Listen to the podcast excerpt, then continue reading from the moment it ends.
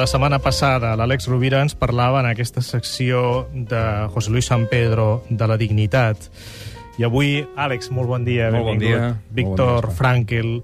Bé, diu que la vida té sentit quan estimem i creem alguna cosa, no? I, Efectivament.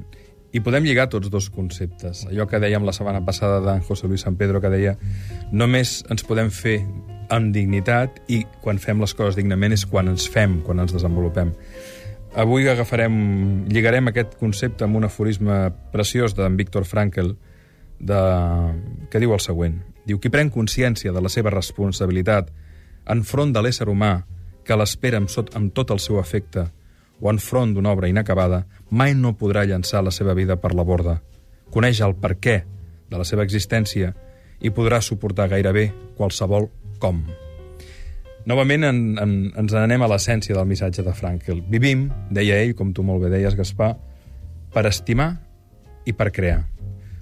Quan algú li preguntes per què viu vostè, per què no decideix manllevar-se la vida, diu Frankl, gairebé tothom et tendeix a respondre visc perquè hi ha algú a qui estimo i visc perquè hi ha alguna cosa a la qual estimo i vull desenvolupar, vull fer.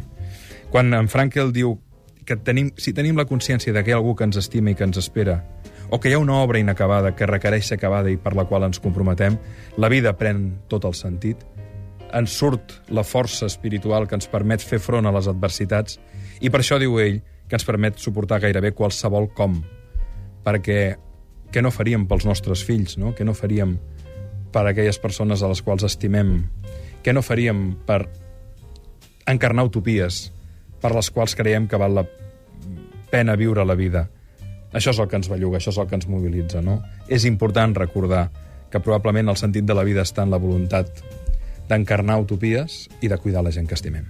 Bé, recordem, com tantes vegades hem dit en aquest programa, que Víctor Frankl era un psiquiatre que va estar en un camp de concentració A i Auschwitz que va arribar a aquestes i conclusions. altres, Eh, I probablement, no sé fins a quin punt l'Àlex Rovira, si se n'anés a una illa deserta, un dels llibres que s'enduria seria L'home a la recerca de sentit. Sens dubte. Jo, hi ha llibres com L'home a la recerca de sentit de Frankel, com el manual de, de vida de, de Pictet, com les meditacions de Marc Aureli.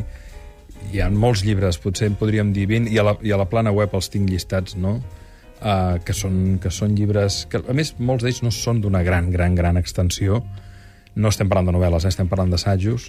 Uh, o, per exemple, en aquest cas sí que podríem dir uh, el, els assajos de Montaigne, que aquests sí que són consistents, però hi ha una sèrie de peces de la literatura universal que portar-les uh, amb tu uh, et pot ajudar moltíssim en un moment d'adversitat, en un moment de dubte, en un moment de por, en un moment de d'incertesa a tirar endavant. Hi ha paraules que certament ens ajuden a redefinir la visió que tenim del món en aquell moment. Àlex, moltíssimes gràcies. a tu, que Gaspar. tinguis molt bona setmana. Molt bona setmana.